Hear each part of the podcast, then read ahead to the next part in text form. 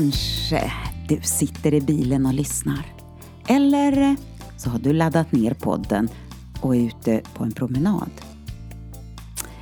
Eller så är det som eh, det är kanske hemma hos mig. Du sitter där hemma i soffan och bara kopplar av. Välkommen in my living room med mig, Eleonora Lahti.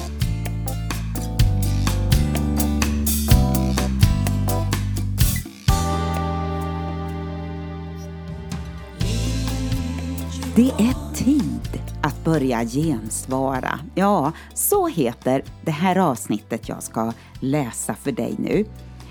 Och vad då gensvara? Jo, men det finns många röster som ropar gör det här, gör så här, tänk så här, uträtta det här. Och eh, många olika grejer som bara liksom gör anspråk på oss. Och så kanske vi missar någonting utav det viktigaste. Och där måste vi vara uppmärksam och lyssna in. Jag måste erkänna, jag har blivit något av en livsnjutare. är det något att skämmas över? Eller är det så det ska vara? Och livet har verkligen olika tider och säsonger och i allt detta ska vi förhålla oss till en livsrytm som är vår egen. Inte bli lat och bekväm, men inte heller forcerad och stressad för att hinna med allt som dyker upp som intressanta alternativ. Eller att göra som alla andra i ens omgivning. Jag är nog en Ferdinand. Ja, alltså Ferdinand vi ser på julafton. Och eh, jag älskar att sitta under min korkek och lukta på blommorna. Men förstås, om jag ska vara ärlig är jag nog eh, uppe och röjer emellanåt. Men tillbaka till det här med korkeken. Ja, som tur är har vi något av sommar och vintermöblering så att julgranen passar in i vårt vardagsrum. Och det gör att jag byter placering emellanåt i våra soffor. Och tur är väl det. Annars vore nog bara den ena utsliten. Här njuter jag av livet och hittar den ro och hjälp och vägledning jag behöver. Det går sakta och lugnt och ibland märker jag det knappt. Men Gud talar i sitt ord. Han talar i tystnaden. Och det växer en längtan som går vidare till en övertygelse. Stilla, sakta, överbevisande. Och här gäller inte fast food-mentaliteten som vi så gärna önskar oss emellanåt, eller jämt. Att våga fråga om råd, att be om vägledning utan att själv försöka övertyga om hur bra ens egna idéer och beslut är. Det är det som händer under korkeken. Och då, då är det tid att börja gensvara. Så många av er sitter och tänker, analyserar, gör beräkningar och kalkyler vad ett och annat i livet skulle kunna innebära. Men du, har du inte förstått? Och har du inte begripit vad det handlar om? Jo, du tänker få ut mycket av livet. Men det är först när Guds planer blir dina du får ut den verkligt högsta vinsten som gäller bara för dig. Vågar du be en bön som avslöjar synden och hmm, upproret i dig? Allt som du håller så hårt för att vilja vinna men du är på väg att förlora. I psalm 139, där står det Pröva mig, Gud, och känn mitt hjärta och pröva mina tankar. Visa om det finns något hos mig som gör dig bedrövad och led mig på den väg som leder till dig.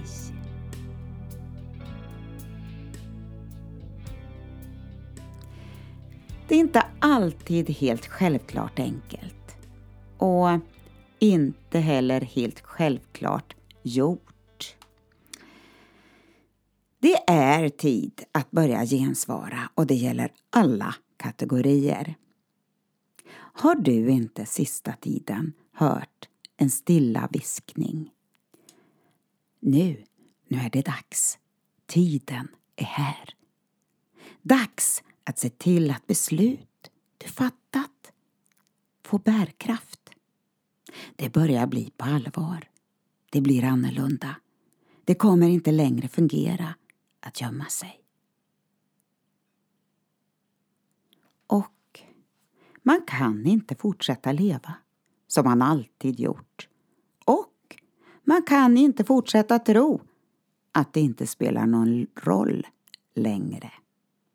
Det är, du vet vad jag kommer att säga, det är tid att börja gensvara.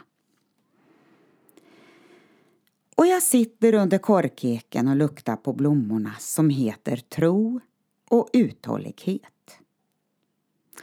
Det har börjat slut i blomning märker jag. Och eh, det tog lång tid på sig, tro och uthållighet.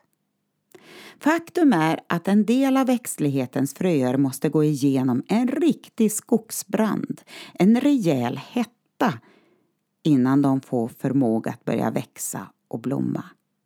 Så märkligt. Men watch out!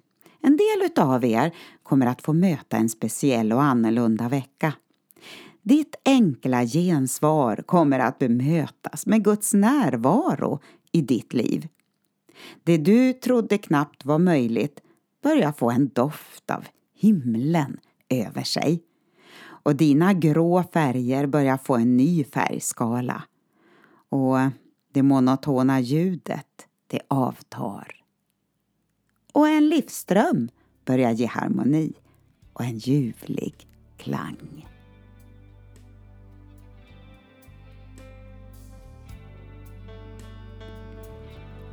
I Jakobs brev kapitel 4 och vers 7, där står det en enkel liten mening. Närma er Gud, så ska han närma sig er.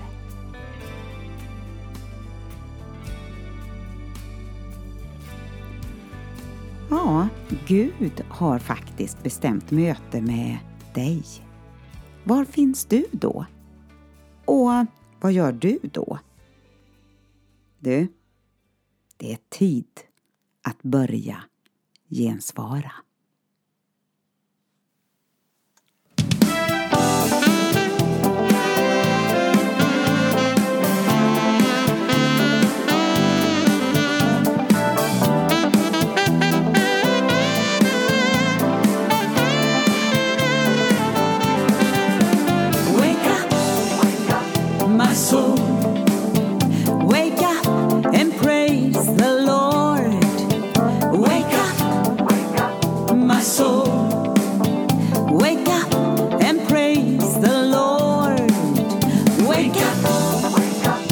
Soul.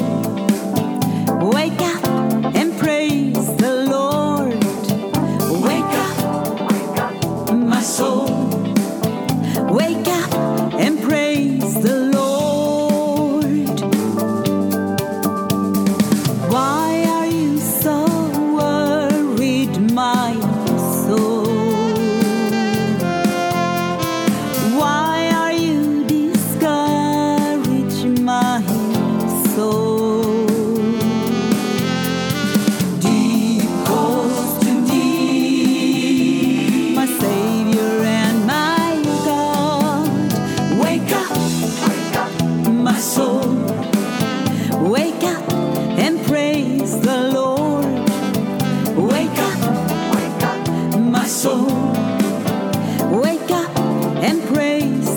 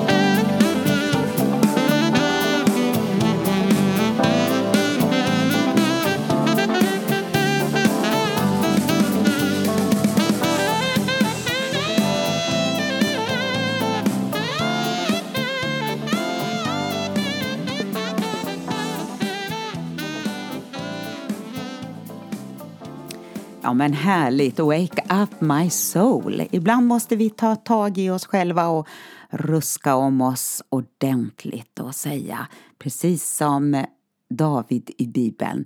Åh min själ, lova Gud. Det är så lätt att vi fastnar i eh, gamla mönster och beteenden. Men eh, som sagt, vill du ha något som du inte har måste du göra något som du inte gör. Och jag läser i Matteus kapitel 15. Där har vi både liksom, eh, folket, lärjungarna, fariseerna, det religiösa, hur de reagerade på Jesu budskap. Och fariseerna de fastnade i massa små, små detaljer liksom och, och försökte snärja Jesus på så sätt. Och lärjungarna, ja men de blev lite vettskrämda. Åh, vad ska de tycka och vad ska de säga liksom? Och, och de tog illa vid sig. Och så börjar man att tänka på det sättet. Men så dyker det upp en kvinna i folkmängden som bara liksom visste att eh, det här är någonting för mig och jag måste bara komma fram till Jesus. Så hon, det står hur hon närmade sig och föll på knä och bad honom, Herre hjälp mig. Och ja, Jesus sa, Kvinna, din tro är stark. Du ska få det du ber om. Och i samma stund blev hennes dotter botad. Ja, eh, Gud vill komma och möta oss i våra situationer. Ha en riktigt fin dag. Gud välsigne dig och vi hörs igen. Bless you. Bye bye.